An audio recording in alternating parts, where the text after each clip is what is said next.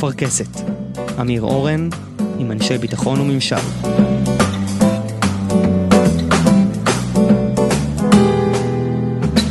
בוקר טוב גדעון אביטל אפשטיין. בוקר טוב ועצוב אמיר.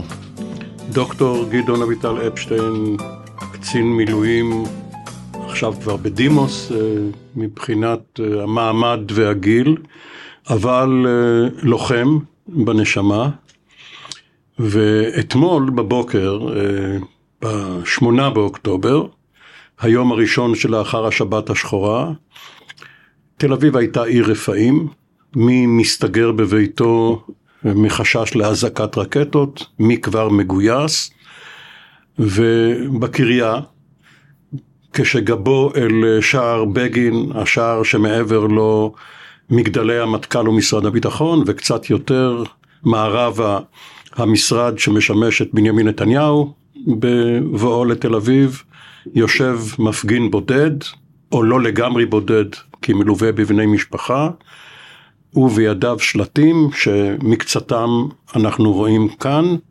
מה המסר המרכזי שלך? קרה לנו אסון אה, בשבת, אה, אסון נורא עם מאות הרוגים, אלפי פצועים, ולדעתי מאות אלפי נשמות שבורות, מרוסקות, מודאגות. אירוע שהוא בעיצומו, אבל די בחלק הראשון בהתקפה הנפשעת של החמאס כדי להצביע על כישלון נורא. כישלון נורא שלי בתור לוחם, קצין מודיעין של 890 בחווה הסינית ביום כיפור, קשה להכיל אותו, והתחזק בי הרושם שהאירוע הזה חמור עוד יותר ממה שקרה לנו ב-73. כשל מערכתי מוחלט. הבעיה היא שעומד בראשנו, בראש המדינה, אחראי גם על הצבא, ראש ממשלה, שבית משפט קבע שלא הוכח שהוא חולה נפש, אבל בעיניי הוא מטורף, פשוט מטורף, לא פשוט בכלל. זאת הבעת דעה, כמובן, לא עובדה רפואית. כן, אני לא חושב שההתנהגות שלו מצביעה על, על תכונות אחרות, והוא לא כשיר לעמוד בראש מדינה בשעת משבר כל כך קשה. אמיר, אתה בקיא בהיסטוריה של מלחמות העמים ממני, אתה ודאי זוכר, וגם מאזינים זוכרים, שבאפריל 1940, בעיצומה של מלחמת העולם השנייה, כאשר חשש חמור מאוד לחיסולו של כל חיל המשלוח הבריטי ב, ביבשת, בצרפת. בדונקרק. בדונקרק.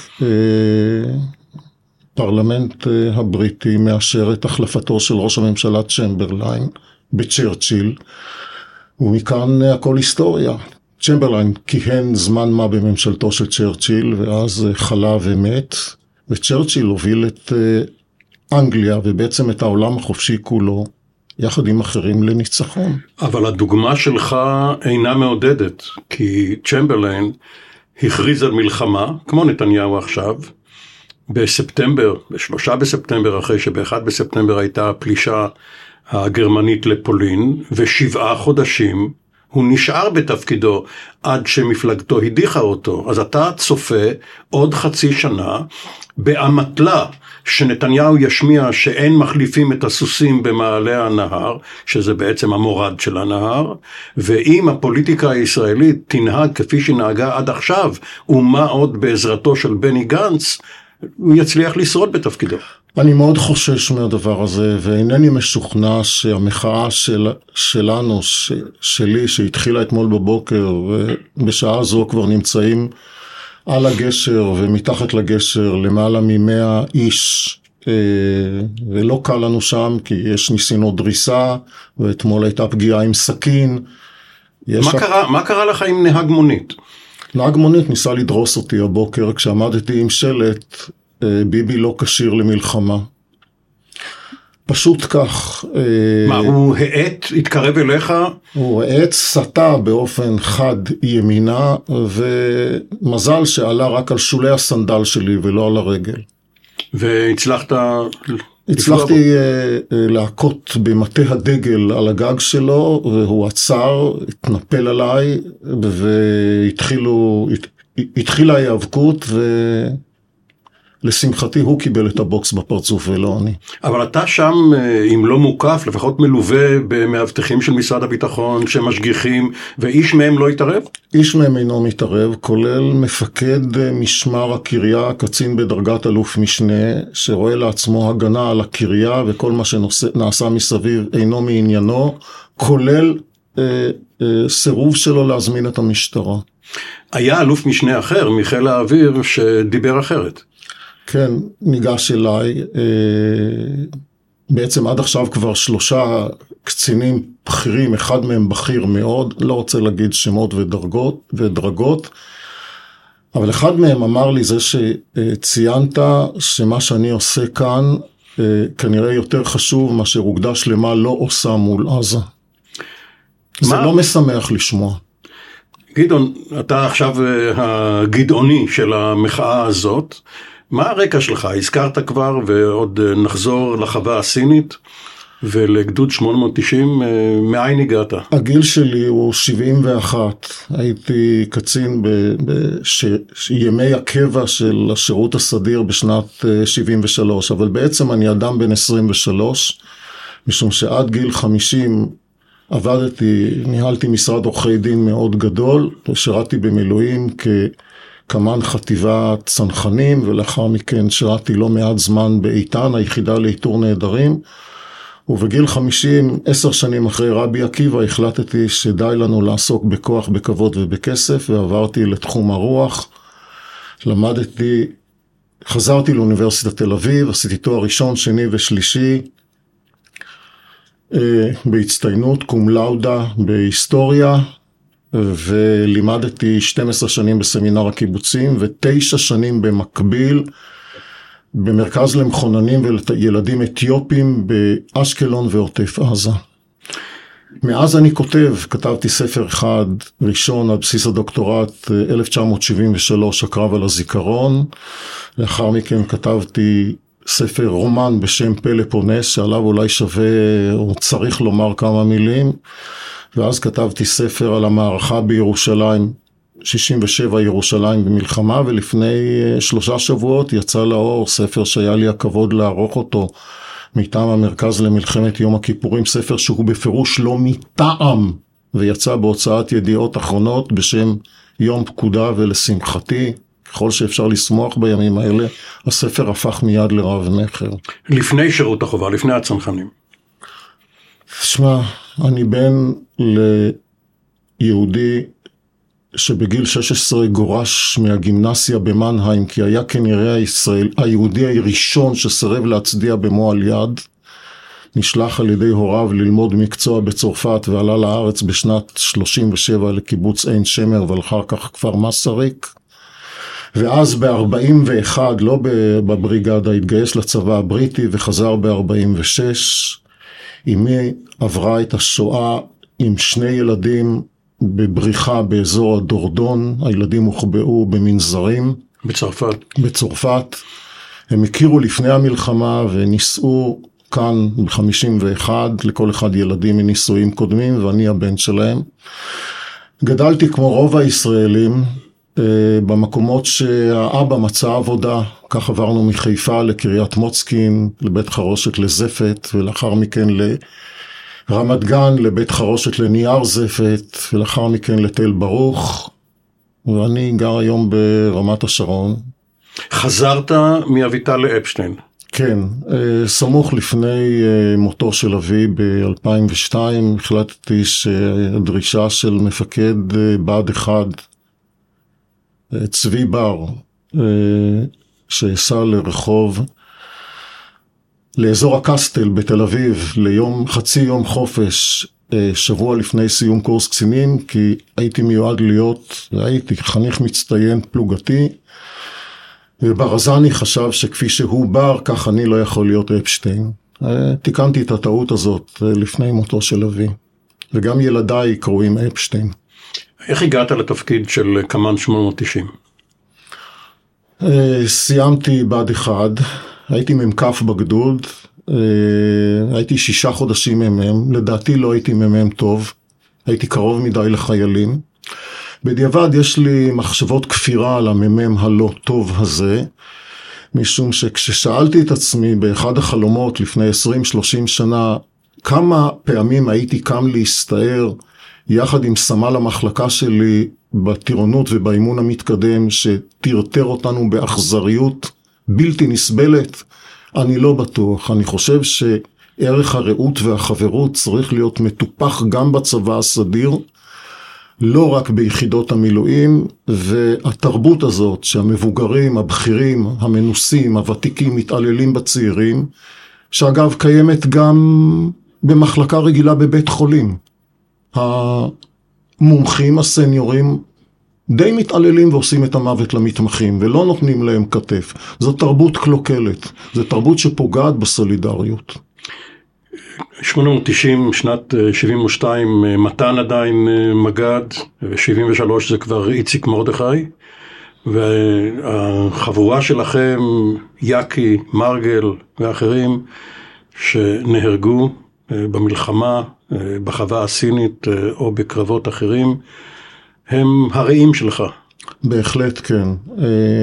תחשוב על זה, אמיר, אני גר כבר 30 שנה ברמת השרון, וכמעט בכל יום אני עובר פעמיים ביום למרגלות הר הטועים, כספרה של יהודית הנדל, בית הקברות הצבאי בקריית שאול, אני יודע באיזה שורות הייתי אמור להימצא. ספר על ה-15, 16, 17 באוקטובר 1973. תראה, ביום ראשון, ביום השמיני למלחמה, השתמשתי באמצעי מודיעין אה, נחוץ מאוד, היה לי טרנזיסטור. ובאמצעות הטרנזיסטור שמענו במהדורת החדשות של השעה חמש, היינו אז באבו זנמה, במין מבצר אחרון כדי לבלום את הדיוויזיה הממוכנת השישית, אם היא תחפוץ להגיע לשארם א-שייח. זה אזור הנפט, אבו רודס, רסודר. בהחלט. ושמענו את ההודעה על כך שיש לצה"ל כבר 700 ויותר הרוגים. למען האמת באותו שלב כבר היו כ-1300 הרוגים, ושעתיים לאחר מכן נישא ברדיו נאומו הידוע של משה דיין, מלחמה כבדת ימים, כבדת, כבדת דמים. איש לא העלה אז בדעתו שהיא תהיה גם מלחמה כבדת שנים. שהיא לא תעבור תהליך של עיבוד, של כעס, של הסקת מסקנות, של לימוד לקח, של סליחה, של מחילה. המלחמה הזאת עדיין מפעפעת בתוכנו, ועם כל האירועים האינסופיים שקורים בישראל במהלך 75 השנים האחרונות, היא לא מצליחה לפנות את... אה, את מקומה בפנתיאון. ואז אה, לקחו את 890 צפונה או צפון אה, מזרחה? כן, הגענו לשדה התעופה עטור באוטובוסים מאבו זנמה, ישבתי לצידו של חיליק ביימן, הפסיכולוג של, של החטיבה שנהרג בקרב לאחר מכן, ונערכנו נפשית למבצע אור ירוק, או מבצע שנועד להעביר על נחתות, כולל הנחתת הגדולה אה, בת שבע, צבא רב, חי"ר, צנחנים, טנקים, טנקים שלל לשעבר ואמצעים נוספים כדי להגיע אל מרחב קהיר מדרום או אל שדה מורגן שדה הנפט הגדול כדי להטות את הכף. זאת אה, מפקדה אוגדתית בפיקודו של אלוף אה, מנדי מירון, כן. שהייתה יכולה לבצע במחיר הרבה יותר זול מאשר צליחת הנגד את המהלך העוגף שאולי היה משפיע על המלחמה. מישהו החליט לא לבצע את המבצע הזה, בדיעבד הבנתי שהיה חשש מוצדק או לא מוצדק שחיל האוויר לא יוכל להגן על הנחתות מפני ספינות טורפדו או ספינת טילים אחת מצרית שהיו בגזרה והמבצע בוטל, הייתה כנראה גם תחושה שההצלחה של אה, גדוד 71, אה, כבר לא זוכר את השם שלו ביום כיפור, אה, של דן זיו, היא, היא, היא, היא תוביל לפריצת הדרך, כלומר מבצע אבירי לב, ולכן האירוע שלנו בוטל. ועל מטוסי הרקולס, אם אני לא זוכר, שבעה. שים לב אמיר, בתחילת המלחמה היו לצה"ל שני מטוסי הרקולס בלבד בצבעי חום כהה וצבעי חום בהיר, ואני רואה על המסלול שבעה מטוסים בצבעי הסוואה של ג'ונגל, ואני מסתכל לתוך הקוקפיט ואני רואה בחור ישראלי ובחור אמריקאי שטרם נמחקו מהמטוסים צבע, אה, אה, סמלי הצבא האמריקאי ועל ידם אה, סמלי צה"ל. האמריקאי היה טייס משנה שהדריך את הישראלי, את הקברניט. בדיוק נמרץ, והמטוסים הללו הובילו את גדוד 890 עם מעט נספחיו לרפידים. מה השארנו מאחור? את הסיוע. לא רק שלא היה איתנו אה, אה, מסך או קשה או קטט, שאלה קציני הקישור של התותחנים? אלא גם אה, את המרגמות 120 אה, מילימטר ואת התחמושת שלהם. אה, בדיעבד, אם מותר לי, אני רוצה לספר במשפט מוסגר שתקלה זהה קרתה לחטיבה 55 בירושלים. היא עלתה למלחמה ב-67 בלי גדוד המרגמות שלה, שנשאר חלקו בנמל אשדוד וחלקו בתל נוף. ולכן הם ניהלו את הקרב ללא סיוע, דבר שגרם להגב... לתוספת חמורה של אה, נפגעים. לא זו אף זו, צנחנים הולכים קדימה, לפעמים עם הראש בקיר, ואז העלו את אנשי המרגמות כלוחמים רגילים. הם לא השתתפו בקרבות במהלך יום שלישי, אבל לעת ערב הם הגיעו באוטובוסים לכיוון מלון ריבולי ושער הפרחים, כנוסעים, בלי ליווי של סיירת, ונתקלו באש תופת מן החומה, ואנשים שאני מכיר, וגם אנשים שאינני מכיר, אה, נהרגו שם אה, לשווא. חזרנו ב-73 על אותה תקלה. עכשיו, תראה, אנחנו הגענו לרפידים. רפידים הייתה בלגן אינסופי. אה, בלתי נסבל, קשה לראות את הדבר הזה, כאילו הצטברו כל מגרשי המכוניות של המזרח התיכון באותו מקום. רפידים זה גם באחה שלוש, בסיס חיל האוויר וגם מפקדת אה, האוגדה. וצריך לזכור שימים ספורים לפני כן אה, המקום הופצץ, כולל היאבה הקטנה וכך הלאה. יחידת הבקרה של חיל האוויר. הייתה, המקום. המקום היה מבולגן. ובינתיים כבר מפקד אוגדה 252, אלברט מנדר נהרג, לא שם, במקום כן, אחר. עלינו על אוטובוסים שסגל הגדוד אה, שם עליהם יד והורה לנהגים להעמיס אותנו ועל ציר שאי אפשר לנסוע בו, זה דבר בלתי נתפס, כביש ברוחב של שבעה מטר, כשיושבים רכבים עליו ובשני צידיו, לדאבון לב גם לא מעט רכבים פגועים. טרטור, עכביש. הגענו עד טסה. אה, ואז אה, קיבלנו פקודה, העניין הזה כבר מופיע בדברי הימים, מח"ט שלנו עוזי יאירי קיבל פקודה, ולאחר מכן מטה הגדוד קיבל פקודה. שאלתי את דרור צורף קמ"ן החטיבה, דרור, תגיד, יש לך עוד משהו להגיד לי, לתת לי איזשהו נתון, תצ"א, משהו? אמר, תגיד, תגיד תודה שסידרתי לך שלושה סטים של מפות אחד לחמישים אלף. אבל מה קרה לגדוד המילואים של נתן שונרי? גדוד המילואים של נתן סונארי לחם 24 שעות קודם בקרב הפריצה במסגרת חטיבה 14 שהייתה אגד כוחות של שבעה גדודים, שלושה ורבע חלקי גדודי שריון וכמניין הזה חלקים של כוחות חי"ר בין השאר גדוד סיור וגם הגדוד של נתן סונארי שהיה שייך בכלל לחטיבה 80 והם הגיעו לפאתי האזור הלחימה שלנו, פחות או יותר, בין מתק... מבני החווה הסינית, הקרויה על שם המתקנים היפנים שהיו שם, לבין האזור שאנחנו בטרטור 42-43 נתקלנו.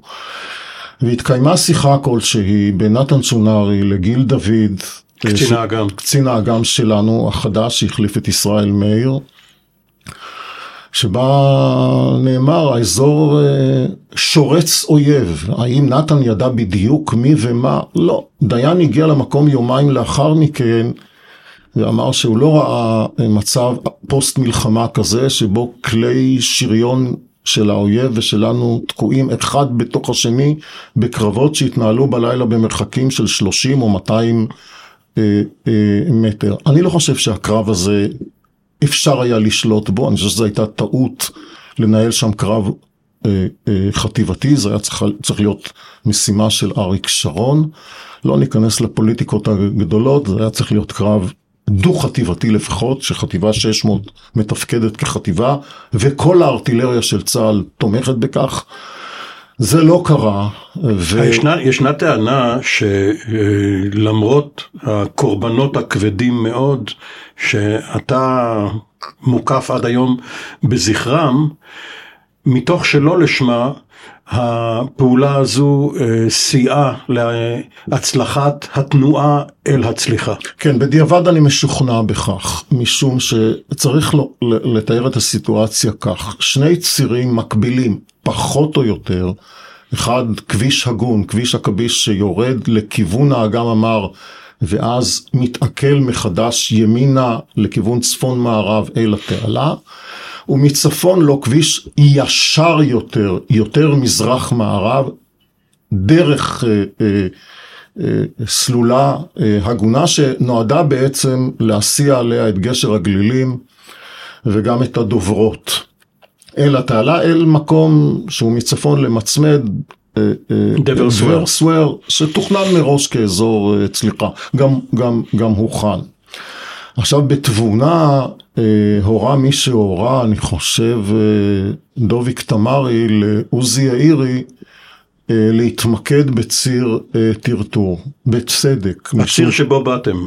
כן, משום שעל ציר טרטור הייתה נוכחות מצרית, הייתה נוכחות של גדוד גדוד מוגבר, איך אנחנו יודעים שזה גדוד מוגבר? את זה ידעתי תוך כדי הלחימה, משום שהצלחתי לספור בגובה החול סדר גודל של בין 15 ל-20 גוריונובים. לגדוד אין חמישה. זה מקלעים. הם מקלעים כבדים מאוד, זה 0.5 שלהם על חצובות.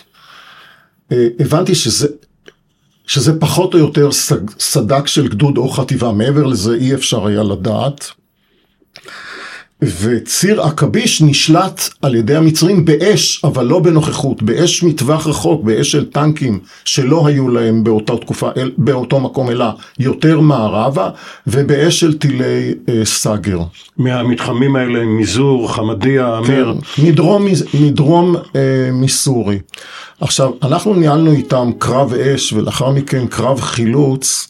כשאיציק מרדכי אה, מדבר בשפה פשוטה על יישרנו קו אש, קו לוחמים, הוא מתכוון לדבר, לדבר הזה ברצינות. כל מי שנשאר, שיכול היה ללחום, כ-120-150 איש, אה, רבץ בעמדונת שהוא חפר לעצמו עם הקסדה או עם הכת וירה.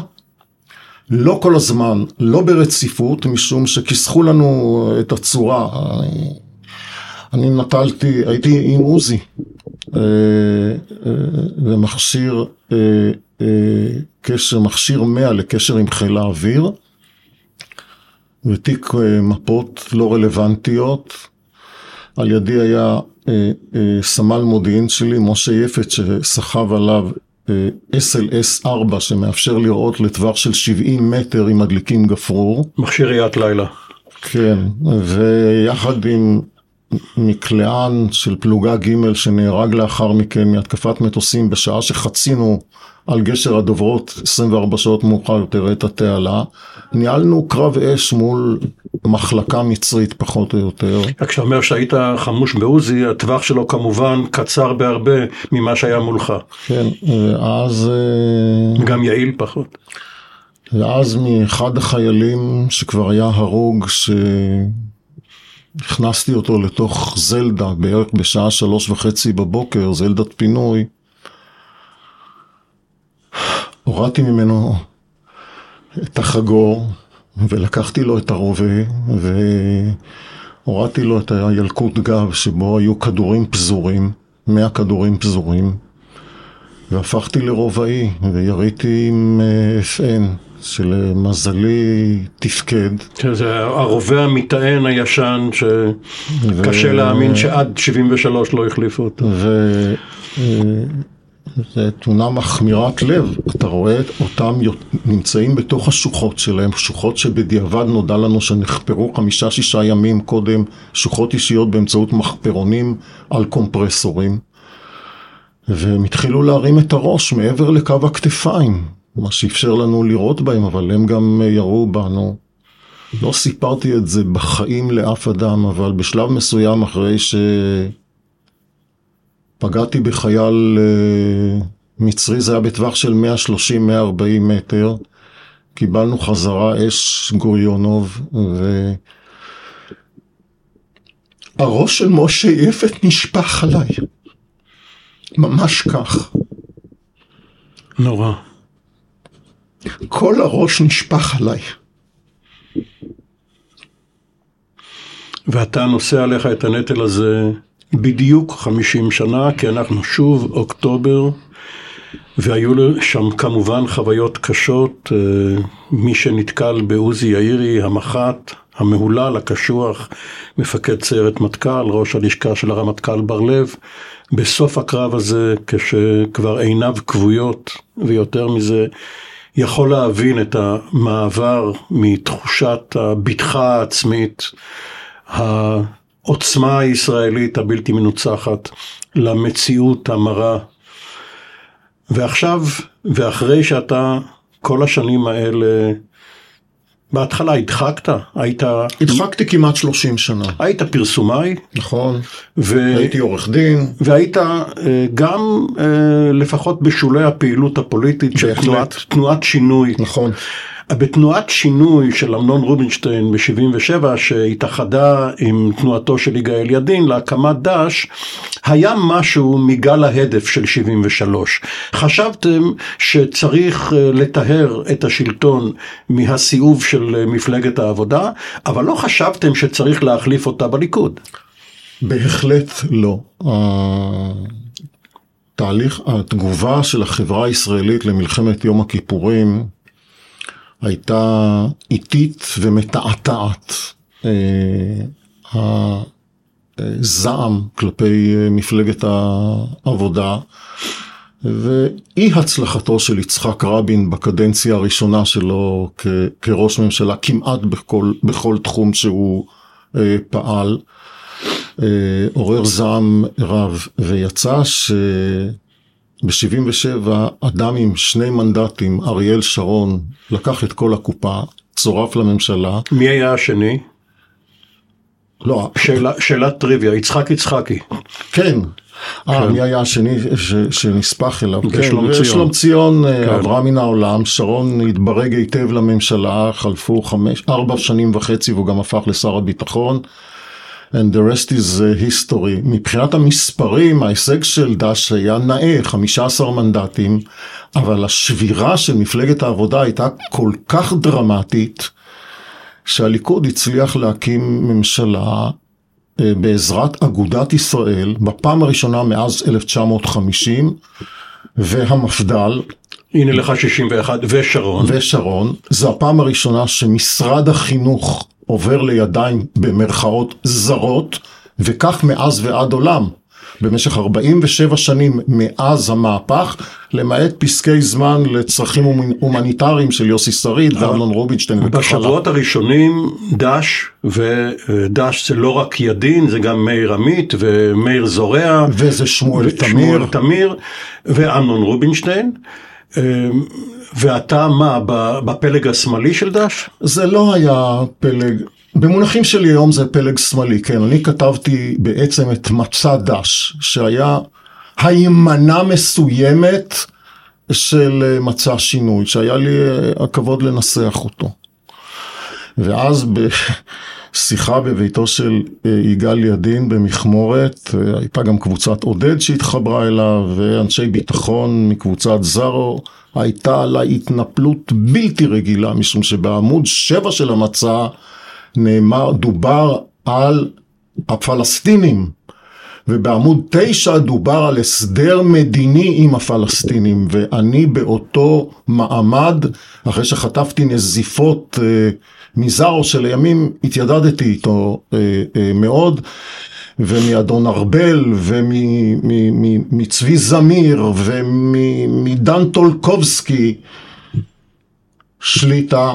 התפטרתי מתפקיד אה, דובר אה, דש והפכתי... בעצם אה, שיקפת את דעתך כמובן, אבל גם את דעתו של אחד האנשים שלא היה ברשימה, אבל היה מאוד מקובל על רבים בציבור, האלוף במילואים אהרון יריב, שעוד כשר בממשלת רבין היה מכותבי נוסחת יריב שם טוב, שאמרה בפשטות שכל גורם שיכיר בישראל ויסכים להידבר איתה, על ישראל לעשות כך כלפיו. כן, הייתה לי על זה סדרת שיחות עם ארלה יריב בשבתות, שלוש שבתות רצופות בבוקר בביתו בנהלל אה, אז. והוא כבר היה אדם מאוד אה, מנוסה, אה, חש לא בנוח לגבי האחריות העקיפה שלו לתפיסות המודיעין ביום כיפור, צריך לומר, הוא חש אי נוחות גדולה בעניין הזה. אבל הוא אמר לי, תשמע, מעל ישראל מרחף ענן של אופוריה אה, דתית מיסטית. זה לא היה התקף אופוריה שדוכא, אלא נכנסנו לאיזה סוג של מחלה אוטואימונית. החברה הישראלית מתקשה לתקן את עצמה, וגם יהיו תוצאות הבחירות ב-77, זה היה לפני הבחירות, אשר יהיו, אני לא בטוח שנוכל לתקן. הוא היה מאוד פסימי בתקופה הזאת. אז uh, בשבועות שלאחר הבחירות uh, דש עדיין נשארה בחוץ, אמנם uh, בגין שמר את התיקים ואת סגנות ראש הממשלה לידין, שהכבוד היה מאוד חשוב לו, ומה הייתה דעתך, צריך להיכנס לממשלה? אני התנגדתי לכניסה לממשלה. השאלה היא כמובן כי גנץ הוא מעין ידין. אה, אני חולק על כך. שניהם היו רבי אלופים. אה, ידין היה איש נבון, לפחות נבון לשעתו, כמו שנוח היה איש צדיק לדורותיו. אה, אפילו ב-76-77 הוא היה קשוב לאנשים אחרים. היה איש חכם, אני חושב. שגה על ימין ועל שמאל, היה תאב כבוד. אבל בזה הוא בקבוצה אה, מאוד מאוד גדולה. לא, אני, אם לקחת אותי לגנץ ואחרים, אני רוצה להגיד לך שבעקבות אה, שני אירועים, אחד זה עריכת הספר על אה, מלחמת יום הכיפורים, מבואותיה ותוצאותיה, אה, שמדבר גם על לקחים שלא נלמדו ועל תבונה שנשחקה, על בורות ועל אי אמירת אמת עד היום. צריך לקרוא את המאמרים של דוביק תמרי, של גיורא איילנד, של עמוס. גיורא איילנד היה איתך קמב"ץ 890. כן, היינו חיילים באותה פלוגה, נשארנו חברים. של עמוס ידלין, מי שקורא את המאמרים האלה מאוד מאוד מודאג, ושל אסא כשר, ושל רבים אחרים, ושל... אה, אה, אה, לא רוצה למנות את כל הכותבים, זה בסך הכל 11 אה, אלופים ו-13 פרופסורים ועוד כ-20 אנשים מאוד נבונים והגונים. התחושה היא מאוד לא נוחה, אבל תשמע אמיר, בשבעה בנובמבר 2022, שבעה ימים אחרי היוודע תוצאות הבחירות, נפגשתי בפעם השנייה כבר עם כל פורום מטכ"ל במרכז רבין לשיחה על לקחי מלחמת יום הכיפורים. עדיין אה, אביב כוכבי רמטכ"ל. כן. אה, לא העליתי בדעתי אגב שיש בצה"ל 30 אלופים. אני לא מבין למה צריך 30 אלופים. לא צריך, אבל אה, שדולת הנשים אה, בראשותה של מירי רגב אז לחצה על הרמטכ"ל גנץ לקדם תעלית כלשהי לאלופה, ומכאן אורנה ברביבאי, ואחר כך גם הפרקליט הצבאי הראשי שארגן לעצמו דרגת אלוף, אז היום יש שתי אלופות בפרקליטות הצבאית אה, ובבית הדין הצבאי, אבל זה לא עניין מגדרי, יש אה, אינפלציה. אני לא מבין למה יש ארבעה או חמישה אלופים במפקדת זרועות היבשה, שברגע שפורצת מלחמה כארגון אין להם שום תפקיד.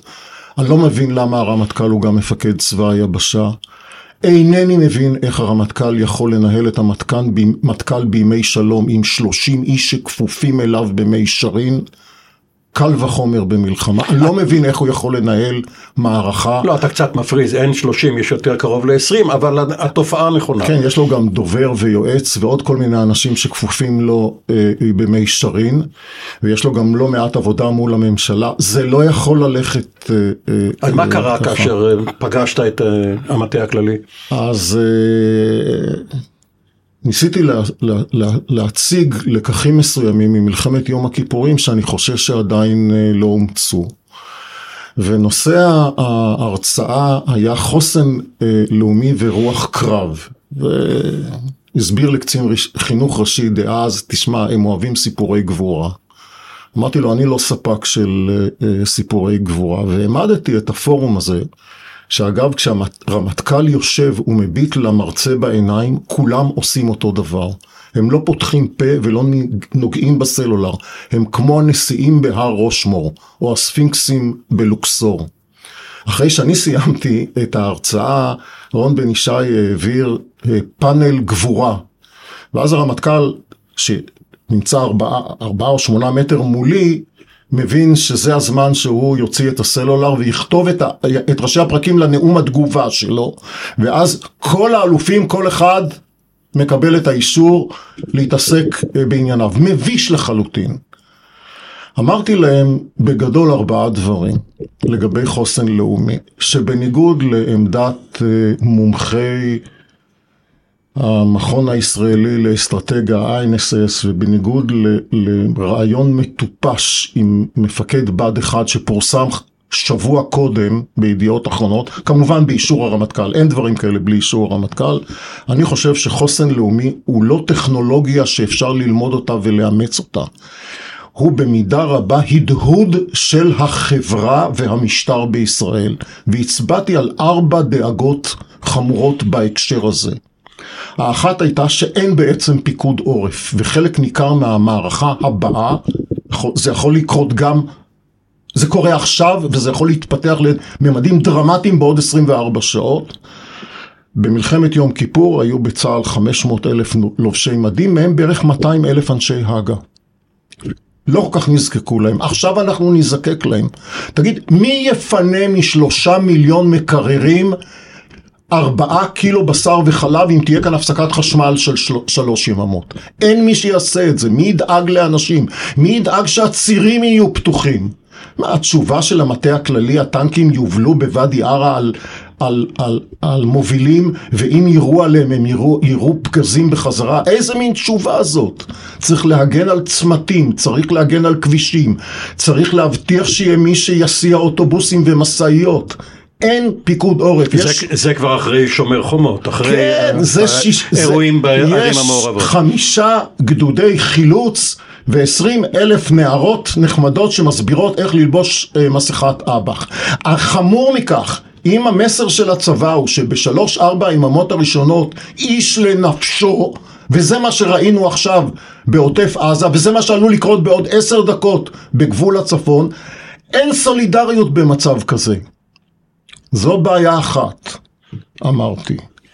בעיה שנייה, לא נשכח לאביב כוכבי שהוא ביטל את כל תוכניותיו יום אחד ועלה לירושלים כדי להיאבק בכנסת על אישור חוק תוספת הרמטכ"ל.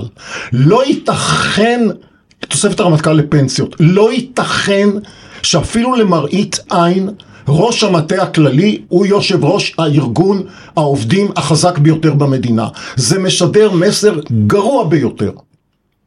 הדבר השלישי שאמרתי להם, בהיריון מחוץ לרחם נולד עכשיו צבא חצי העם.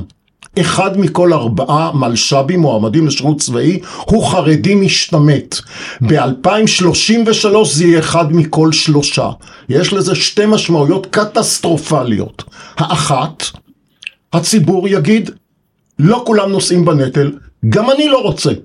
ואז יתחילו בקשות לדחיית שירות ל-12 שנים. אני רוצה ללמוד רפואה, לעשות התמחות, אם תרצו אותי בגיל 36 כמנתח מוח, אני אבוא להתגייס לגולני. זה בלתי אפשרי הדבר הזה. חוץ מזה הצבא כפי שצבא נוהג בהרבה מאוד מדינות, לדאבון לב, אומר לממשלה את מה שהממשלה רוצה לשמוע. במשך שנים רמטכ"ל אחרי רמטכ"ל אמר אנחנו לא צריכים אותם, שיצטרפו לכוח העבודה, שילכו לשירות אזרחי וככה. הבל הבלים. אם 15 אלף מתוך 68 אלף ישראלים כשירים, יש כאלה שבכלל חיים בחוץ לארץ ויש כאלה שאינם מתאימים בשנתון גיוס. בשנתון גיוס, אפשר להקים עם הכוח הזה כמה דברים טובים. אפשר להקים עוד חטיבת חי"ר שתהיה כולה חרדית ותשב בעוטף עזה. ביישובים, וחטיבה חרדית שתשב ביישובי הצפון, ושבעה גדודי משמר לשדות התעופה, וגדודי שמירה להתנחלויות כדי ש...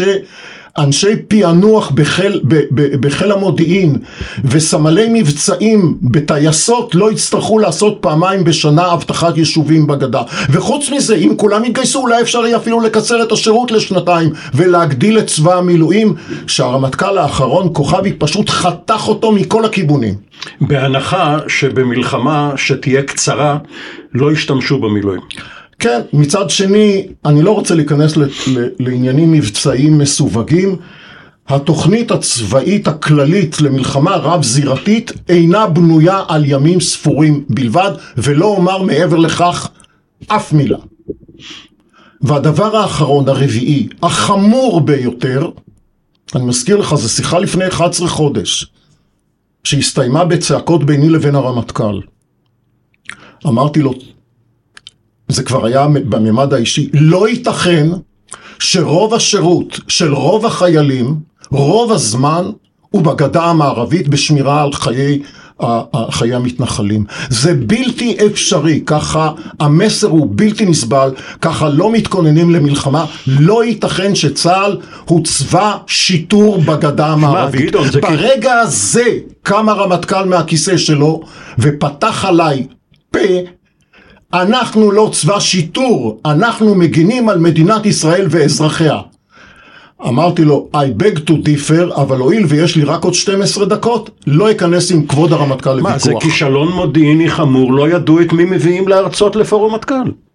כן, על כך אין מחלוקת, יש בינינו ויכוחים על מה שהיה ומה שעשוי להיות, אבל על כך אין מחלוקת. עד שלא תהיה מה, מהפך כללי, אותי, גדעון אביטל אפשטיין, לא יזמינו לפורום מטכ"ל. אתה, אתה לא היחיד, יש עוד uh, מוקצים מחמת. שאלו, שאל אותי אחד הרמטכ"לים לשעבר, איש נבון, אתה רוצה שכל הקצינים הבכירים בצבא יקראו את הספר? אמרתי לו בשחצנות שלפעמים קשה לי להתנער ממנה, לא, אני רוצה שהם ילמדו את הספר. עכשיו זה נובמבר, חודשיים אחר כך אה, כבר יש אה, הסכמים קואליציוניים, מוקמת הממשלה, ארבעה בינואר, יריב לוין נושא את נאום הרהב שלו שתשעה חודשים או עשרה חודשים לאחר מכן נראה כתחילת הסוף של הממשלה אבל גם של המדינה ומה אתה עושה כמוחה? אני עושה כמוחה אתה מושך אותי בלשון ואני אספר עוד דבר שלא סיפרתי מעולם. אני כ, כמוחה מתייצב אה, בימי חמישי בצומת הכפר הירוק וחוסם אותה, מה שגרם לפציעה שלי בידי שמונה אנשי יס"מ, אה, מתועדת, אה, ובמוצאי שבת אה, בקפלן. אני יוצא מכל כל פעם מן ההפגנה בקפלן בתחושה מעורבת שככל שאני מתקרב אל האוטו שחונה במרחק של שלושה ארבעה קילומטר היא נעשית רעה יותר. אני אומר לעצמי, נכון לעכשיו אנחנו מיעוט מתכווץ, הייתה הרגשה טובה מאוד להיות עם מאות אלפים כאן ובמקומות אחרים. אני לא בטוח שזה משפיע. בדיעבד אני חושב שהמחאה השפיעה. היא תמכה בצעדים קיצוניים, הכרחיים, של טייסים במילואים ושל אה, אחרים, וצריך לזכור, הפרדה בין מדינת ישראל לבין מדינת יהודה, הפרדה, טריטור... הפרדה טריטוריאלית היא בלתי אפשרית. זה... שטות מוחלטת. אבל לו הדבר הזה היה מתקיים, מדינת יהודה לא הייתה יכולה לשרוד, משום שאין מי שיפרנס אותה, ובעצם גם אין מי שיגן עליה. כי להגן צריך בתבונה. זה, הדבר הזה הוא בלתי אפשרי. מה עשית בערב של פיטורי גלנט? אה, נסענו לתל אביב, אה, החניתי על יד הים, הלכנו שבעה קילומטר, והצטרפתי לאנשים שניסו לרדת אה, לאיילון, ושם היכה אותי רב סמל בכיר, בדרך שירדתי במדרון לתוך, ה... לתוך הכביש. הייתה הרגשה של סוג של התגדלות של המחאה. ו... ומה אתה חושב עכשיו על כך שגלנט ניצל בזכותך ובזכות חבריך? עוגמת נפש אה, גדולה מאוד. תראה, מצד אחד אנחנו אומרים, אם הוא ילך, עלול לבוא מטורף. גלנט הוא לא מטורף, אני לא מעריך אותו, אבל הוא לא מטורף. שמעתי מאנשים כאלה ואחרים לא מעט ביקורת עליו, גם התנהגותו האישית אה, מגונה בעיניי, אבל הוא לא מטורף. אה, מצד שני, אני אומר לעצמי, אם מבין 300 הבכירים במדינת ישראל, 150 לובשי מדים, אלופים, תתי אלופים ועוד בכירים, עוד 150 איש במוסד, בשב"כ, בפרקליטות, בשירות החוץ ובעוד מקומות כאלה ואחרים. אני מחכה לראשון, לא פנסיונר, לראשון שיגיד, אני לא מוכן לשרת במשטר הזה. אחד. אנחנו מגנים להבדיל, או לא כל כך להבדיל, איך במנגנון השלטון בגרמניה, מדבר עד 39, היו כל כך מעטים שזזו הצידה. כשאביך סירב להצדיע במועל יד. כן, נכון. אה, הביקורת שלי על המחאה היא ש... זה לא עניין של רטוריקה ויכולתם של הנואמים להלהיב את הקהל וכך הלאה. אבל קשה מאוד לסבר את האוזן, את העין ואת המוח בלי להסביר מה יהיה השלב הבא. מבחינת הגזרות, מבחינה כלכלית, מבחינת איסור להוציא מטבע מן הארץ, מבחינת נטישה, מבחינה בינלאומית וכך הלאה.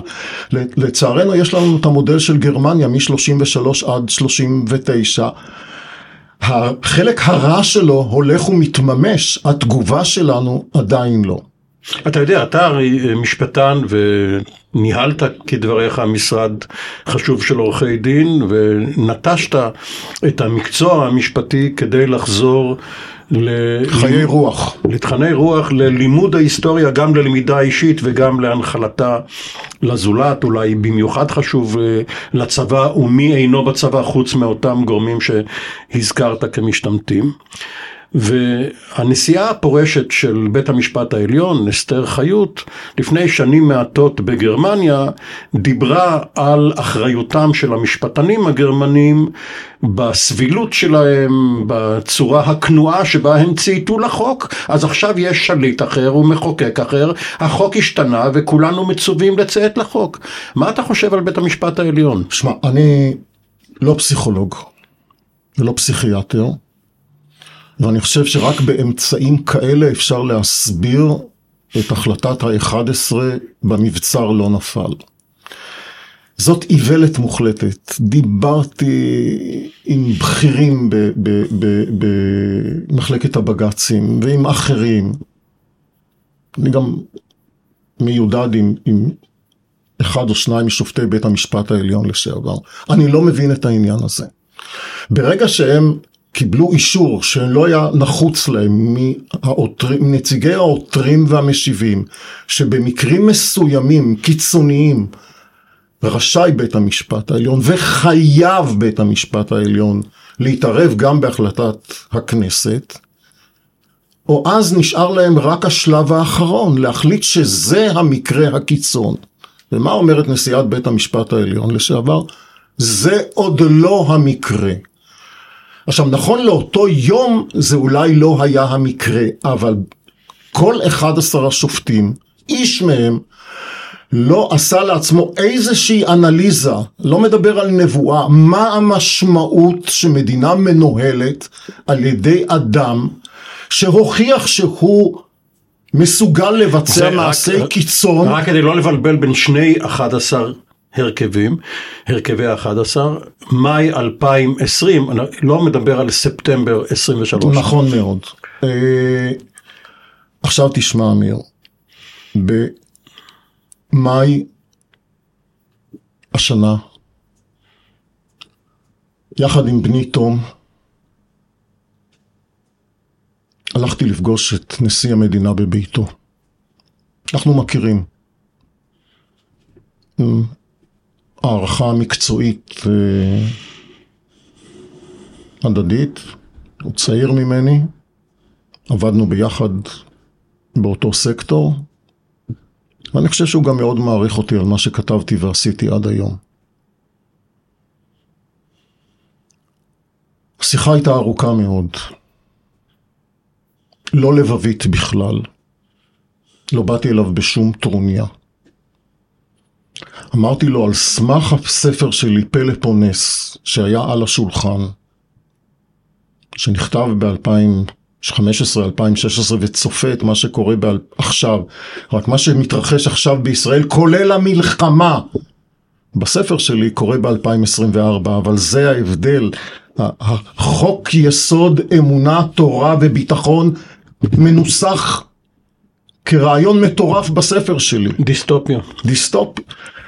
הוא נגמר טוב הסיפור, אז אני לא יודע אם זה דיסטופיה, על כל פנים תיארתי בפני הנשיא מה להערכתי יקרה בחצי שנה הקרובה פה בישראל. לדאבון לב אמרתי לו זה יכלול מלחמה. הצעתי לו מה לעשות. הצעתי לו להיערך ליום פקודה. אני לא אומר מילה על מה שהנשיא אמר בפגישה.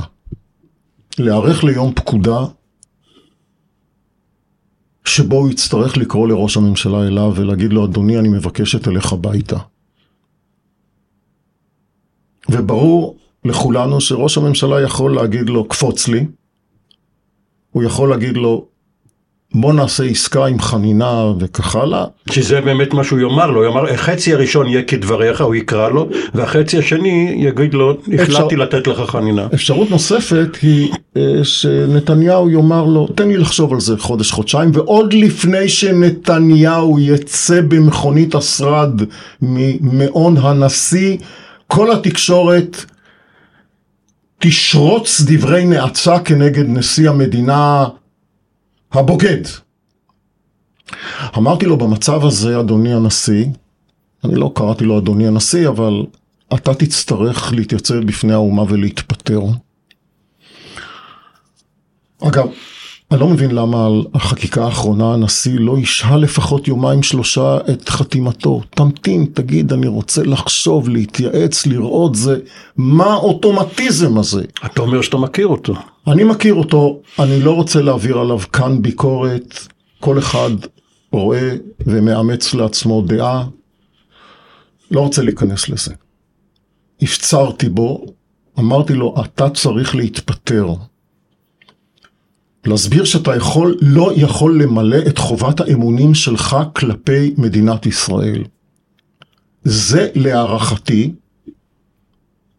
מתוך התבוננות לאמת בעיניים ללא שום כושר נבואי, יביא תוך שלושה חודשים... לבחירתה של שרה נתניהו לנשיאת המדינה. ל... ל... של אוחנה. זה לא... מי יהיה נשיא המדינה זה הדבר האחרון החשוב בעסק הזה. אבל התגובה בעולם והתגובה בארץ תהיה שתוך שלושה חודשים מתייצבים כמה בכירים מאוד ברשות המבצעת ומבקשים מראש הממשלה לסיים את תפקידו. ואם הוא לא מסיים את תפקידו, אז הם יגרמו לכך שהוא יסיים את תפקידו. האם אתה שואל אותי, האם אתה מדבר על אה, אה, אה, פוטש? האם אתה מדבר על אה, מהפכה? האם אתה מדבר איתי על קוב דתה? אני אומר לך כן. אני לא קורא לזה, אני חושש מזה, אבל אני חושב שזה מה שיקרה. ותחשוב טוב טוב, אמיר, מה האלטרנטיבה. יכול להיות שבישראל לא יהיו יותר בחירות.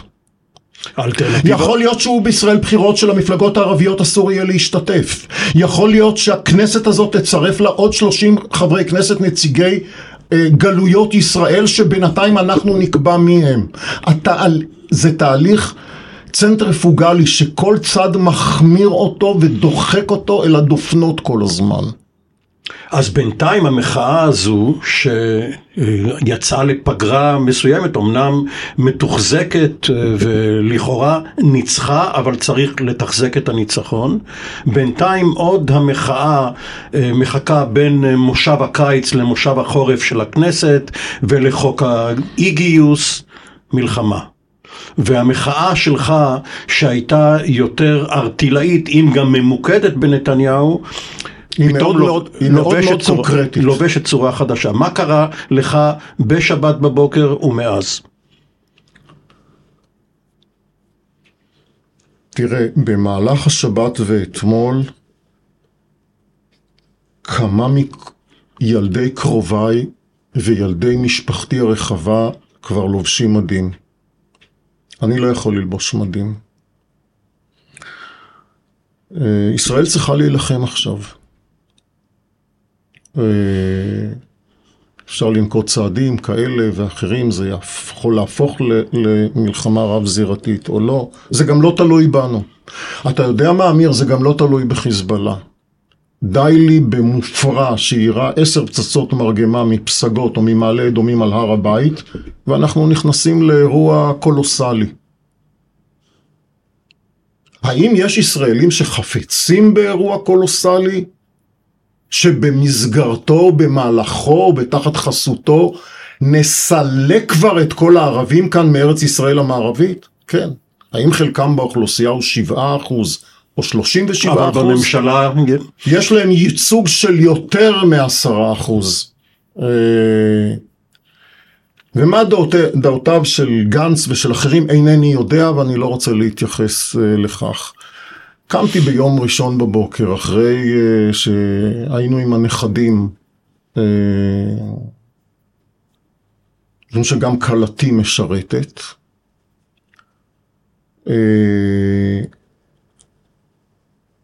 וחשבתי שאני אחזור לכתיבה על ימי הביניים. זה היה בשש בבוקר. בשש וחצי בבוקר הבנתי שאינני מסוגל. כי ימי הביניים כבר כאן. כן, וביקשתי מענת שתצטרף אליי. אה, נכנסנו לחנות, קנינו ארבעה פלקטים והתייצבנו בכניסה למחנה מטכ"ל. אני חושב ש... בלי להיכנס עכשיו לחילופי גברי במטה הכללי שיידרשו ועוד נגיע לזה, זה לא הזמן. למרות שבמלחמות אה, מחל- מחליפים גם מפקדים שמתגלים כבלתי כשירים לתפקידיהם, זה קרה בעבר. אני לא ממליץ על זה ולא מציע על זה, מי, מי אני בכלל? אבל אי אפשר שאדם מטורף ששיקול הדעת שלו פגום ונגוע בשיקולים זרים בעליל, ובלי ספק, אני יודע את זה בעקבות קריאת מידע על מלחמות קודמות, עסוק, כנראה לא רק הוא, בדימוי של מדינת ישראל, ולא פחות מכך, בדימוי העצמי שלו בסוף העניין. והשיקול הזה שהוביל את צה"ל לנבטיה והוביל את צה"ל לסואץ, עלול להוביל אותנו לאבדון. אני לא סומך על האיש הזה. מה אתה מצפה שיקרה בעקבות אה, הפגנת היחיד שלך שבינתיים קצת טפחה, אבל עדיין לא הגיעה לממדים המוניים? מה, מה יהיה התרגום של ההפגנה, של המחאה, לצעדים מעשיים? בחלום שלי אני רואה את ראש הממשלה מפנה את מקומו ולתוך הקבינט שמכיל אנשים כמו דרעי. וגל... לא, לא, לא יודע את השמות שלהם בכלל.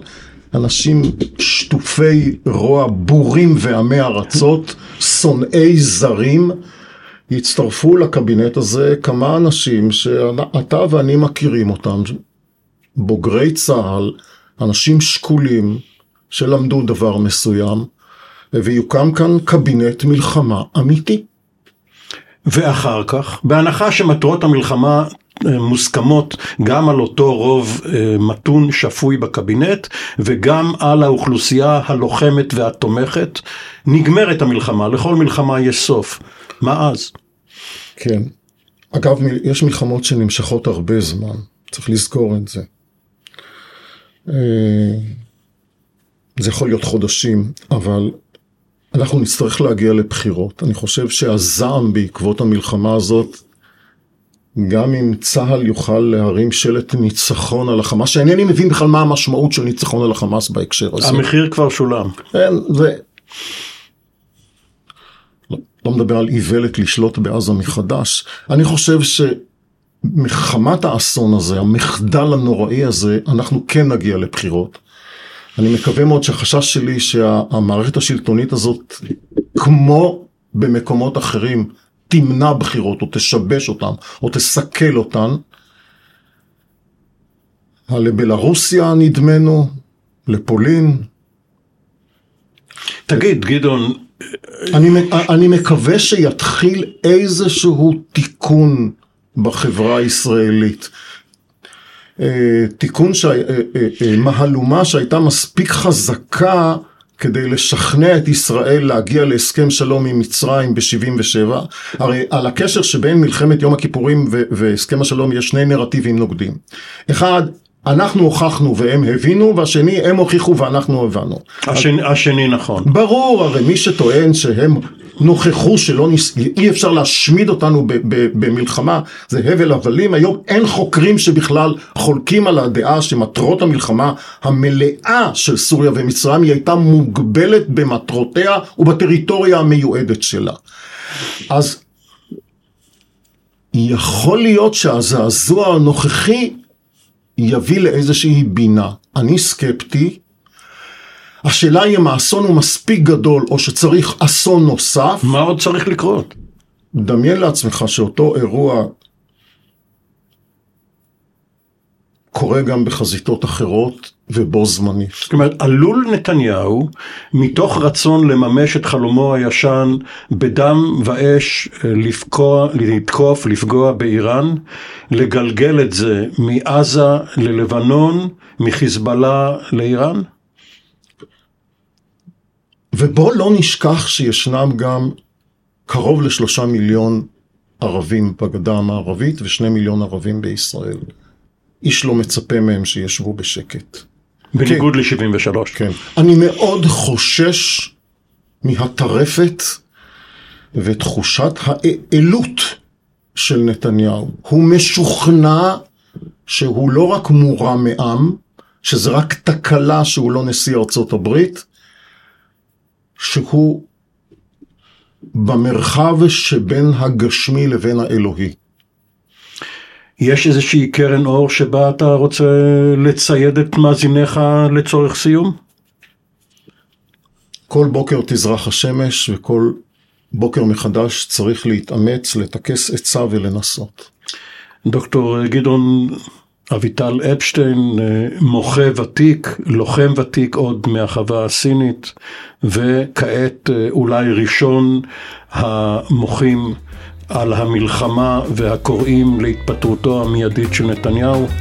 תודה רבה ובהצלחה. יום טוב ותודה לך אמיר.